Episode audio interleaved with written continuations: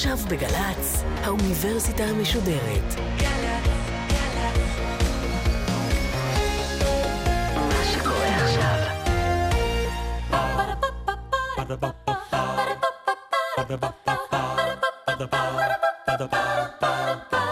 האוניברסיטה המשודרת מציגה מסע סביב רעיון, והסמסטר משחק, והפעם הפרופסור נתן נתניהו מהמחלקה למדעי המחשב באוניברסיטת בר אילן על שחמט ובינה מלאכותית. עורכת ראשית מאיה גאייר. ערב טוב, שמי פרופסור נתן נתניהו מהמחלקה למדעי המחשב באוניברסיטת בר אילן. אדבר איתכם הערב על שחמט מחשב ואינטליגנציה מלאכותית.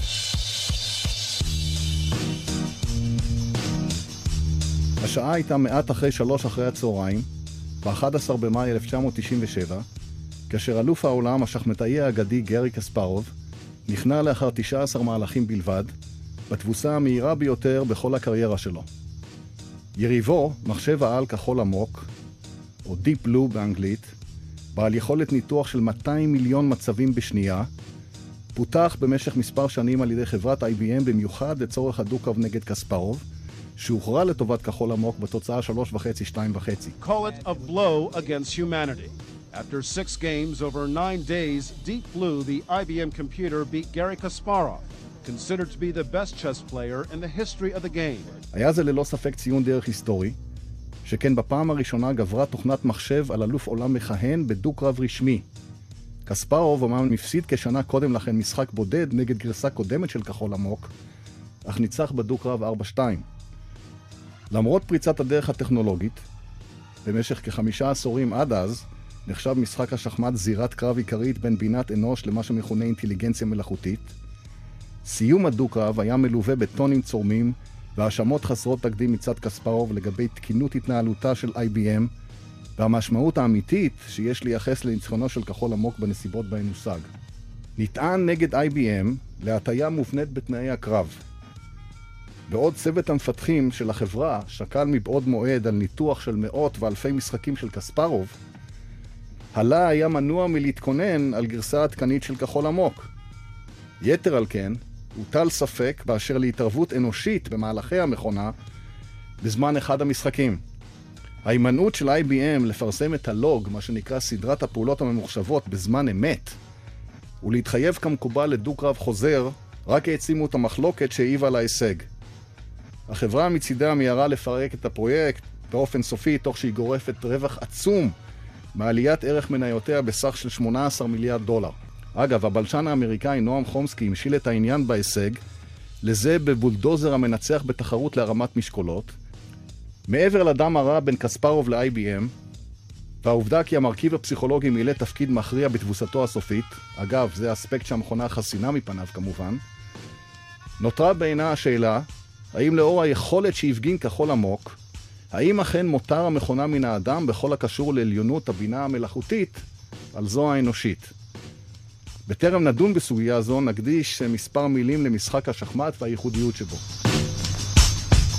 בטוחני כי רבים מהמאזינים, כמו גם מאות מיליונים ברחבי העולם, גדלו על משחקי חשיבה שונים כגון דמקה, שח, גו, ברידג', ששבש ועוד, שמספקים הזדמנויות למכביר לפיתוח מגוון של כישורים. אישית זוכר אני עדיין בערגה רבה את ההיחשפות שלי כילד למשחק השחמט על ידי מורי ורבי, אבי המנוח הפרופסור אלישע נתניהו, והשתתפותי הקבועה באליפויות הנוער בשחמט בעיר הולדתי חיפה. מה לא נאמר ונכתב על המשחק בין אלפי השנים הידוע בכינוי משחק המלכים. המשורר הגרמני הנודע וולפגנג גתה כינה את השחמט The Touchstone of Intellect לאמור אמת המידה לאינטלקט, שכן השחמט מפתח מיומנויות שכליות שימושיות בשטחי חיים רבים, כגון יכולת פתרון בעיות, מיקוד, חשיבה ביקורתית, לוגיקה מופשטת, תכנון אסטרטגי, לא בכדי השחמט נלמד על ידי אין ספור ילדים ברחבי העולם בבתי ספר רבים, שמחזיקים לשם כך מועדוני שחמט מיוחדים ומארגנים טורנירים רבים מיועדים לילדים בלבד. מה כל כך כיף במשחק הזה? המלך מנתח את הצריח, ללכת עם המלך ולאכול, ואז אני יכול להיות חכם בשחמט. נדבר עתה על המושג של אינטליגנציה מלאכותית, ונסביר מדוע היא רלוונטית למשחקי מחשב בכלל ושחמט מחשב בפרט. אינטליגנציה מלאכותית, artificial intelligence באנגלית או AI בקיצור, היא ענף של מדעי המחשב העוסק ביכולתם של מחשבים לפעול בצורה המציגה יכולות המזוהות עד כה עם בינה אנושית בלבד. משחר העידן המודרני של מדעי המחשב, לפני כ-60 עד 70 שנה, עסקו האבות המייסדים של התחום מעבר ליישום המיידי של חישובים נומריים מורכבים, בסוגיה המאתגרת של הקניית אותן יכולות תבוניות למחשב האמור לפעול בסביבת בני אדם. ההגדרה המקורית והנפוצה ביותר לבינה מלאכותית הוטבעה בשנת 1950 על ידי המתמטיקאי הבריטי הדגול ואבי מדעי המחשב אלן טיורינג. אגב, התפרסם גם בזכות פיצוח הצופן הגרמני האניגמה במלחמת העולם השנייה, והיא ידועה בשם מבחן טיורינג. לפיו, מכונה תחשב לתבונית אם אדם היושב בחדר סגור משוחח עימה באמצעות ממשק מחשב מבלי שיצליח לזהות איזה אישות ניצבת בעצם מולו, קרי אדם או מכונה. It's a game, a test of sorts, for determining whether something is a machine or a human being. The judge asks questions and depending on the subject's answers determines who he is talking with, uh, what he is talking with. כדי שמחשב יעבור בהצלחה מבחן טיורינג כולל, שמאפשר גם כן לחוקר לעמוד על כישורי התפיסה הוויזואלית של הנבדק, להעביר לו גם uh, עצמים פיזיים במידת האפשר. יש להקנות לה יכולות אוטומטיות הכוללות אם כן עיבוד שפה טבעית לצורך תקשור מילולי, ייצוג ידע לאחסון המידע הנצבר, היקש לוגי למתן תשובות והסקת מסקנות הגיוניות חדשות על סמך המידע האגור, למידה ממוכנת כדי להסתגל לנסיבות משתנות וכן לגלות ולחזות תבניות חדשות, ראייה ממוחשבת לצורך גילוי וזיהוי של עצמים, ורובוטיקה לצורך תמרון אובייקטים ותנועה במרחב. אינטליגנציה מלאכותית עוסקת אם כן בלימוד תחומים אלה ואחרים, לפיתוח הכישורים האוטומטיים הנדרשים. משחקי מחשב מהווים מעצם הגדרתם תת-תחום של AI, שכן אפשר להסתכל על משחק בין מספר משתתפים בעלי אינטרסים מנוגדים, כעל סביבה מרובת סוכנים, שפועלים תוך אינטראקציה זה עם זה במטרה להגדיל עד כמה שניתן את הרווח האישי שלהם. למשל, השגת ניצחון במשחק. השגת המטרה על ידי סוכן ממוחשב כרוכה כמובן במימוש חלק מהיכולות האוטומטיות שהזכרנו.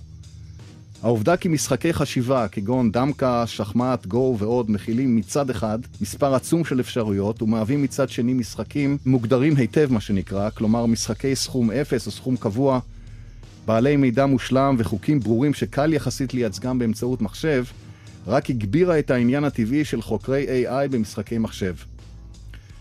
אחדים מחלוצי התחום אף פיתחו בעצמם תוכנות משחק והשתמשו במשחקי מחשב לחקר AI. אלן טיורינג, קלוד שנון, הנחשב לאבי תורת האינפורמציה, ג'ון מקארת'י, המזוהה עם האמרה לפיה שחמט מחשב הוא הדרוסופילה של AI בדומה לתפקיד של זבוב הפירות בחקר הביולוגיה. הרב סיימון ואחרים פיתחו תוכנות שחמט ראשוניות בשנות ה-50 וה-60, וארתור סמיואל כתב תוכנות דמקה שזכו להצלחה יחסית באותן שנים. תוכנות השחמט לא היוו בתחילה אתגר של ממש לשחקני אנוש, מה שהניע את האומן הבינלאומי דיוויד לוי להתערב ב-1968, כי אף תוכנה לא תוכל לנצחו במשך עשר שנים. הוא זכה אמנם בהתערבות ב-1978 לאחר שגבר על התוכנה 4.7, שהייתה החזקה ביותר באותה עת, אך נוצח בסופו של דבר כעבור 12 שנה על ידי מחשבה עמוקה שקדמה לכחול עמוק. בשנות ה-90 נזקקו עדיין התוכנות המובילות למחשבי על בעלי מאות מעבדי חישוב, מה שאפשר כאמור לכחול עמוק לבחון כ-200 מיליון מצבים בשנייה, תוך ירידה לעומק של שבעה מהלכים, מה שנקרא בז'רגון 14 plies או חצאי מסעים, בשלבי ביניים של המשחק, ואף לעומקים גדולים יותר לקראת סיום המשחק. בשנים שלאחר מכן הוא שם דגש רב יותר על שיפור האסטרטגיה, מה שמכונה פונקציית הערכה עליה נדבר בהמשך, והדבר אפשר הפחתה משמעותית במספר המצבים הנבחנים ליחידת זמן, ועימה שימוש נרחב בתוכנות שחמט הרצות על מחשבים סטנדרטיים. למשל, דיפ ג'וניור, פרי פיתוחם של אמיר בן ושי בושינסקי הישראלים, שרצה בזמנו על ארבעה מעבדים בלבד, ובחנה בסך הכל שלושה מיליון מצבים בשנייה, סיימה ב-2003 את הדו-קרב המתוקשר עם קספרוב בתיקו 3-3.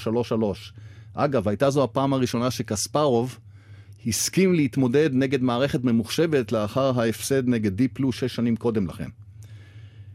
קספרוב עוד הספיק לסיים דו-קרב נוסף באותה שנה בתיקו 2-2 כנגד פריץ, בטרם יוברר סופית כעבור שנים ספורות, כי היו אלה למעשה קרבות מאסף של שחמטי אנוש כנגד המחשב.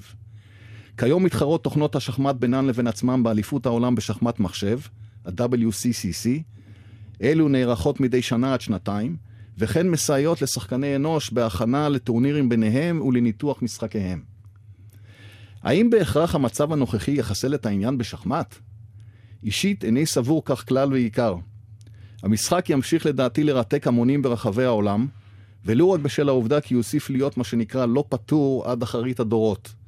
או אם להשתמש באלגוריה מאת רב האומן הבינלאומי הישראלי אלון גרינפלד. פיתוח מכוניות מרוץ המגיעות ל-300 קמ"ש ויותר לא גרם מהמתח והעניין בתחרויות ריצה בין אנשים שמהירותם היא לכל היותר 40 קמ"ש. אין ספק כי למשחקי מחשב הייתה תרומה רבה והשפעה הדדית ניכרת על התפתחות האינטליגנציה המלאכותית, מעצם היותם שדה ניסויים, מה שנקרא טסט בד, טבעי, באשר לפיתוח טכניקות שונות עבור חיפוש במרחב האפשרויות, הוכחת משפטים אוטומטית, תכנון אוטומטי, למידת מכונה וכיוצא באלה. בנוסף לכך, אליפות העולם בשחמט מחשב היוותה מעין הערכת ביצועים מתמשכת לתוכנות AI מתקדמות, וכן מקור השראה לתחרויות ממוחשבות ברובוטיקה, תכנון אוטומטי והבנה אוטומטית של שפה טבעית. הניצחון המוחץ של אלפא-גו על רב האומן הבינלאומי, לי סיידול, שהיינו עדים לו לאחרונה, מחזק ביתר שאת את הקביעה ששלושים השנים האחרונות התאפיינו בפעילות ענפה במשחקי מחשב, המתבטאת היטב מבחינה אקדמית, טכנולוגית ומסחרית. Game of Padugor Go, as it's known in the rest of the world, of the much anticipated match of the century between human Grandmaster Isadora and artificial intelligence program AlphaGo wrapped up after about three hours and And the result? Brace yourself for this, machine beating human. נקדיש את המספר דקות לתיאור של גישות טכניות בסיסיות. במאמרו הסמינלי מ-1950 התווה קלוד שיינון מסגרת עבודה עקרונית לתוכנת שחמט שמאפייניה תקפים למשחקי מחשב באופן כללי. תוכנת משחק בנויה משני מרכיבים עיקריים, חיפוש והערכה. חיפוש הוא תהליך החקירה של כמה מהלכים קדימה, והערכה מתבטאת באומדן החוזק של מצב נבדק ודירוגו. במצב נתון נשקלים כל המהלכים החוקיים של הצד שתורו לשחק, ולכל מהלך כזה נשקלות כל התגובות האפשריות של היריב וכן הלאה. אפשר לייצג את תהליך החיפוש כעץ חיפוש, ששורשו הוא המצב הנוכחי, וכל מהלך הוא ענף בעץ היוצר צומת חדש. עבור משחקים פשוטים יחסית, כגון X עיגול ואפילו 4 בשורה, ניתן לבנות, באמצעות תוכנית מחשב כמובן, את עץ המשחק במלואו עד לרמת צמתי העלים, מה שנקרא, זאת אומרת, עד לצמתים המתאימים למצבי המשחק הסופיים, כלומר, ניצחון, תיקו או הפסד מנקודת המבט של אחד השחקנים, ולהסיק מכך על תוצאת המשחק, בהינתן משחק מושלם של כל אחד מהשחקנים, כלומר, משחק ללא טעויות מצד שני השחקנים. במקרה כזה המשחק ייחשב כפטור. למרות שמספר המצבים האפשריים בדמקה הוא כ-500 כפול 10 בחזקת 18, זאת אומרת 500 טריליון מצבים, הצליח ג'ונתן שייפר מאוניברסיטת אלברטה שבקנדה להוכיח ב-2007 כי דמקה היא גם כן משחק פטור, במובן זה שתוצאתו היא תיקו עבור משחק מושלם. ההוכחה היא תולדה של בנייה מאומצת במשך 18 שנה של טבלת אנד גיים, לכל 39 ביליון המצבים האפשריים הכוללים עד 10 אבני משחק, בשילוב של חיפוש קדימה, המוכיח כי מכל מצב נתון קיים מסלול למצב ידוע על הלוח שמבטיח לפחות תיקו. לעומת זאת, בניית עת משחק מלא עבור משחקים מורכבים הרבה יותר, כגון שחמט, גו וכדומה, אינה ברת מימוש בשל המספר העצום של מצבים חוקיים אפשריים, למשל 10 בחזקת 43 מצבים אפשריים בשחמט. לפיכך, יש להגביל את החיפוש לעומק מוסכם מראש, כדי להימנע מניתוח מספר מצבים הגדל אקספוננציאלית, ולהתייחס למצבים בעומק זה כאל צמתי עלה. בכל צומת עלה תתבצע הערכה, והצומת מקבל ערך מספרי שמציין את חוזק העמדה. אך גם בזאת אין די, שכן יש לערך 35 מסעים חוקיים בממוצע מכל עמדת שחמט, כך שחישוב על פני ארבעה מהלכים בלבד, שמונה plies, כלומר שמונה חצאי מסעים, יניב 35 בחזקת 8, כלומר כשני ביליון מצבים. הווי אומר שניים כפול עשר בחזקת 12 לערך מצבים. וזאת בהנחת מצבים המכונים שקטים בלבד, כלומר כאלה שאינם מערבים לכידת כלים, תגובה לאיומי שח וכולי. אפילו עבור קצב ניתוח של 100 מיליון מצבים בשנייה, שהוא uh, קצב uh, יחסית גבוה גם לתוכנות נוכחיות, נידרש לזמן לא סביר של למעלה משש שעות עיבוד עבור עומק של ארבעה מסעים בלבד. לכן, יש לבחון עבור כל עמדה מספר מועט ככל האפשר של מסעים עדיפים כדי לפנות לתוכנה משאבי זמן לבחינת הסתעפויות אחדות, משמעותיות, בעומק רב יותר, תוך התעלמות ממסעים המוערכים כחלשים.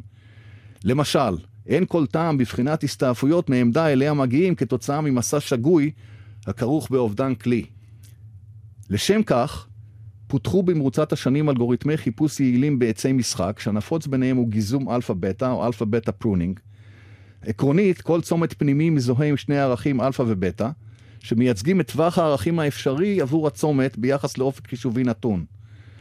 טווח ערכים זה מתעדכן לאחור עד לשורש, ולמעשה הולך ומצטמצם עד לערך בודד בשורש עצמו, תוך גיזום תתי עצים שאין צורך בחישובם. בעוד הליך החיפוש קשור למרכיב החישובי של התוכנה, פונקציית הערכה משקפת למעשה את הידע וההבנה בשחמט. פונקציה זו היא אפוא המרכיב המכריע ביותר, והקושי העיקרי כאמור הוא לממשה בצורה טובה.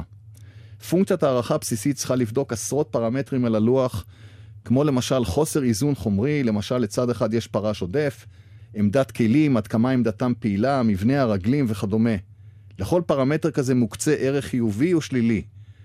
הניקוד הסופי של מצב נתון מחושב כסכום הערכים של צד אחד שזהו תורו, פחות סכום הערכים המתאימים של היריב. פונקציית הערכה בכל תוכנות השחמט המובילות נקבעת לרוב באופן ידני. כלומר, המתכנתים משקיעים זמן רב, כמה שנים בדרך כלל, בכוונון ידני של כל עשרות ולעיתים אפילו מאות ערכי הפרמטרים של פונקציית הערכה. נוסו גישות רבות לאוטומטיזציה של תהליך זה, כלומר ליצירת הליך שיאפשר לתוכנה ללמוד באופן אוטומטי את הערכים המיטביים של הפרמטרים. גישות אלה כוללות בין היתר סימולציות מונטה קרלו, בהן המחשב משחק אלפי משחקים כנגד עצמו, על ידי הגרלה, ומכאן השם, כמו בקזינו, הגרלה של מהלכים אקראיים, כדי לשערך את ערכי הצמתים היוצאים מעמדה נתונה עד לעומק דרוש ובחירת המסע המיטבי בהתאם, וכן למידת חוזק, מה שמכונה reinforcement learning, המעדכנת את ערכי הצמתים על מסלול נבחר מצומת נתון, בהתאם למשוב, קרי חיזוק, המתקבל מצומת העלה. כלומר, למידה בוחנת אילו מסעים היו מוצלחים או חלשים. הדבר דומה לאילוף חיה בשיטת הגזר והמקל, או ללימוד ילד בגיל הרך להתנהג באמצעות תמריצים ועונשים. בעוד השיטות האלה הוכתרו בהצלחה יחסית בתוכנות ששבש ודמקה, ביצועיהן בשחמט מחשב היו גרועים בהרבה מאלה של תוכנות המכווננות ידנית. יצירת תוכנות שחמט המסוגלות ללמוד לשפר את ביצועיהן באופן אוטומטי, עדיין מהווה אתגר נכבד. מחקר בולט אחד, בשיתוף עם אלי דוד ומשה קופל מאוניברסיטת בר אילן ויאב ונדר הריק מאוניברסיטת טילבורג שבהולנד, עוסק בלימוד אוטומטי של הערכים המיטביים של פרמטרים שונים של פונקציית הערכה על ידי שימוש באלגוריתמים גנטיים. גישתנו מסתמכת על עקרונות הברירה הטבעית של דרווין, התרבות או מוטציה, בדומה לאבולוציה בטבע, שבמהלכה שורדים האורגניזמים המתאימים יותר, מה שנקרא survival of the fittest, ומשביחים צאצאים לדורות הבאים. באופן אנלוגי, נדמה אורגניזם לרצף ארוך של סיביות, כלומר ביטים, המייצגים את אוסף ערכי הפרמטרים המבוקשים, רצף הסיביות מכונה כרומוזום. נשים לב כי כל כרומוזום מהווה למעשה קידוד של תוכנת שחמט, שניתן לייחס לה ערך התאמה, fitness, בהתאם לביצועיה. ספציפית, ערך ההתאמה של כל כרומוזום בדור נתון נקבע לפי מספר המסעים הנכונים שביצע הכרומוזום מתוך מסד נתונים של אלפי מצבים הלקוחים ממשחקי רבי אומן בינלאומיים ו/או משחקי מחשב ברמה מקבילה. בסדרת מאמרים אודות המחקר הנ"ל, שהבולט ביניהם התפרסם באוקטובר 2014 בז'ורנל של IEEE על חישוב אבולוציוני, הצגנו בין היתר תוצאות ניסיוניות מפורטות, המדגימות את אפקטיביות השיטה. ספציפית הדגמנו כיצד לימוד הערכים המיטביים של עשרות בודדות בלבד של פרמטרים של פונקציית הערכה, עבור אוכלוסייה בת 100 קרומוזומים המאותחלים אקראית, המתפתחת באופן אבולוציוני על פני 200 דורות, מניבה תוך מספר שעות כרומוזום מיטבי, קרי תוכנת שחמט, ברמה של רב אומן בינלאומי. מסימולציה בת עשרות משחקים כנגד תוכנות שחמט ידועות, כגון Deep Junior, Fritz, Hiarcs ו Crafty, עולה כי התוכנה מתקבלת עדיפה על רובן, פרט ל Deep Junior, שזכתה אגב יותר מכל תוכנה אחרת באליפות העולם בשחמט מחשב. An Israeli computerized chess champion, Junior, has won the World Computer Chess Championships in the Netherlands. Junior beat teams from around the world without losing a single game. This is the seventh world title that the Israeli team has won. נדבר עתה על החזית המחקרית בהווה ועל אתגרים עתידיים. נזכיר מושג עקרוני חשוב של רשתות עצביות מלאכותיות, מה שנקרא artificial neural networks. אלו הן רשתות מחשב מתקדמות המנסות לחקות את החשיבה האנושית על ידי העתקת מבנה שכבות תאי העצב בקליפה החיצונית של המוח, הנאו-קורטקס, שמספרם נאמד בעשרות מיליארדים. הרעיון הכללי הוא לדמות תהליכי למידה קוגניטיביים המתרחשים במוח לביצוע מטלות שונות כגון זיהוי פנים, זיהוי עצמים, ניתוח קול, עיבוד טקסט וכיוצא באלה באופן אוטומטי. כל רשת נוירונים בנויה מיחידות בדידות, הנוירונים, שמקבילים לתאי העצב הביולוגיים והקשרים ביניהם, בדומה לסינפסות המחברות בין תאי העצב. משקלי החיבורים בין הנוירונים קובעים את עוצמת המידע העובר ביניהם, בדומה לעוצמת הפולס החשמלי שעובר בסינפסות. רשתות נוירונים מהוות למעשה סוג של אלגוריתמי למידה מונחית, שנקרא Supervised Learning.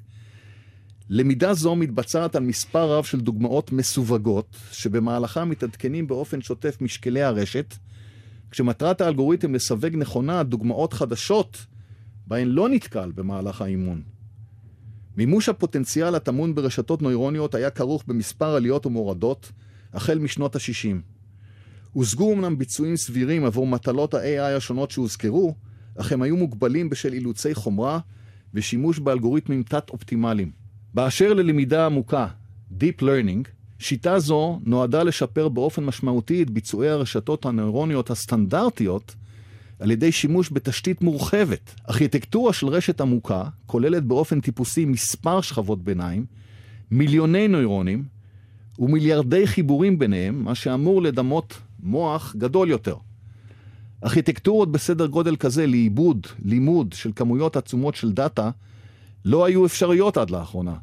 גם השימוש בענן מקל משמעותית על הגישה לדאטה והאזנתה לרשתות העמוקות הממומשות כיום באמצעות מעבדים גרפיים, GPU, שיעילותם גבוהה לאין ארוך מזו של המעבדים הסטנדרטיים, ה-CPU.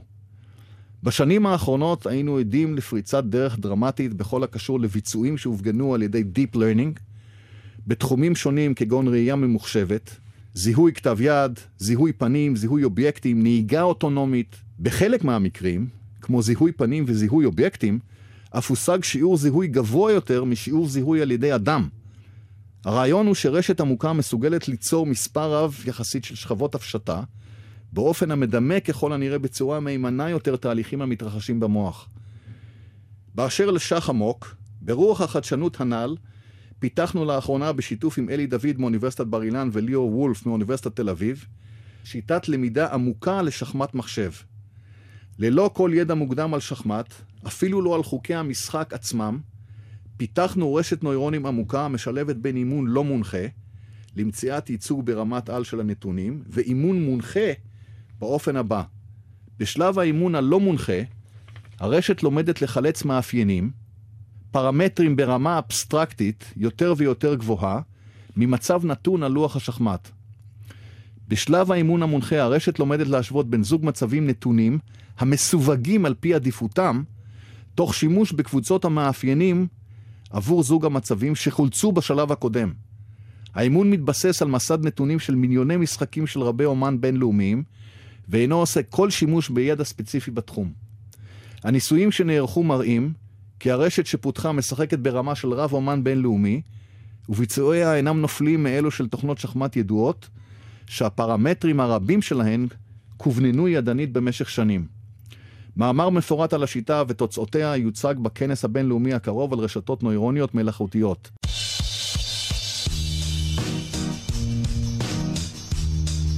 ולגבי AlphaGo, גו. הוא משחק סיני עתיק בן אלפי שנה, הנפוץ בעיקר במזרח הרחוק.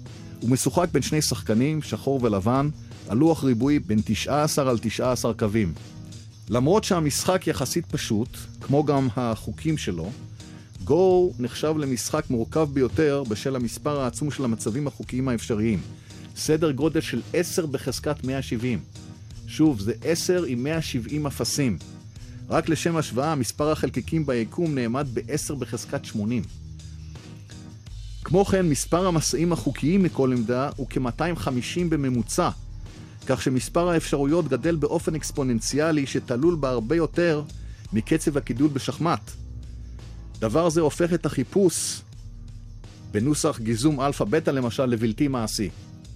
בשל מרחב האפשרויות העצום לא נרשמה התקדמות משמעותית בגו מחשב במשך שנים רבות, עד להופעתן של הרשתות הנוירוניות העמוקות, המאפשרות לבצע לימוד מתוחכם, באופן חסר תקדים המדמה ככל הנראה את התחושה האינטואיטיבית המדריכה את טובי שחקני הגו שבתבל. Alpha Go, התוכנה שפותחה על ידי חברת Deep Mind שבבעלות גוגל, ושזכתה לאחרונה לפרסום עולמי לאחר שהביסה 4-1 את רב האומן הקוריאני לי סיידו למדורג שני בעולם, בנויה בין היתר משני סוגים של רשתות נוירונים עמוקות. רשת הערך לקביעת ערך עמדה ורשת המדיניות המאפשרת לאלפא גו לבחור מסעים בצורה מיטבית. הרשתות הללו מאותחלות על סמך מספר רב של משחקי אנוש ששוחקו על ידי מומחי גו. האלגוריתם של אלפא גו משלב למעשה בין אינספור סימולציות מונטה קרלו, קרי אינספור משחקים אקראיים שהמחשב משחק כנגד עצמו, ולמידת חיזוק באמצעות הרשתות העמוקות לעיל. כלומר, אלפא גו השתמש במשחקי אנוש כנקודת התחלה בלבד ללימוד מעמיק של מרחב אפשרויות המשחק, אותו ביצע למעשה באופן עצמאי. This is why we came here, uh, to test AlphaGo to its limits. We need a creative genius like Lee Sedol to be able to find out uh, these issues um, and actually expose them. כאמור, היכולת לחקור לעומק את מרחב האפשרויות באופן חסר תקדים שכזה, היא-היא לדברי הפרשנים הדבר הקרוב לאינטואיציה הגבוהה בה ניחנו שחקני הגו. ונסיים במספר סוגיות עתידיות. פריצות הדרך שהושגו לאחרונה הודות לשימוש ב-Deep Learning מעוררות מספר שאלות וסוגיות. קשה עדיין להסביר או להוכיח למה הדברים עובדים בצורה כל כך מרשימה, בדומה למוח האנושי או אף בצורה טובה יותר. מצד שני, האם מסוגלים אנו להסביר את התהליכים המתרחשים במוחנו אנו? סוגיה נוספת שעולה היא, האם גישת ה-Deep Learning מספקת אכן פתרון כללי, רב-תכליתי לבעיית האינטליגנציה המלאכותית? קרי, לא עוד פתרון ספציפי למטלה מסוימת, אלא לימוד מכל סוג של דאטה גולמי, לכל מטרה, בדומה לפעולת המוח האנושי.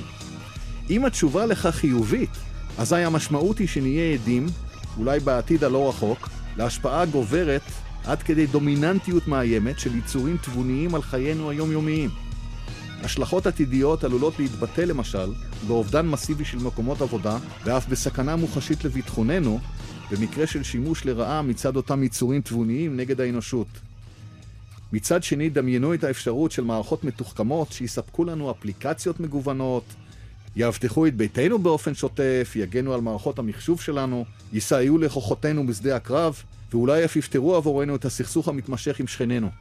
לדברי ג'פרי הינטון מאוניברסיטת טורונטו וגוגל, שהטביע חותם מרכזי בשלושים השנים האחרונות על תחום הרשתות הנוירוניות והלמידה העמוקה, התפתחות שכזו לא צפויה לפחות בחמש השנים הקרובות. להערכתו ניתן יהיה להגיע ליכולות ברמה אנושית רק כאשר המערכות תהיינה בעלות פרמטרים דומים לאלו של המוח. כיום מספר הסינפסות במוח האנושי הוא כ-10 בחזקת 15, כלומר אלף ביליון, ואילו ברשתות העמוקות טריליון חיבורים לכל היותר, כלומר פי מיליון קטן מהמוח האנושי. הינטון מעדיף לראות את היתרונות הרבים הגלומים בטכנולוגיה החדשנית, מתרגום אוטומטי ליישומי ראייה ממוחשבת לפתרון בעיות במדעי האקלים, ומשווה את השימוש ב deep learning לשימוש בדחפור לסלילת כבישים. לדבריו העובדה כי הכלי עלול להלום בראשו של אדם, לא צריכה למנוע את פיתוחו ואת השימוש בו למטרות קונסטרוקטיביות. עם זאת, אין הוא מתכחש לבעיות האתיות שעלולות להתעורר ואשר יש לדון בהן לדעתו כחלק ממדיניות סדורה של הטכנולוגיה.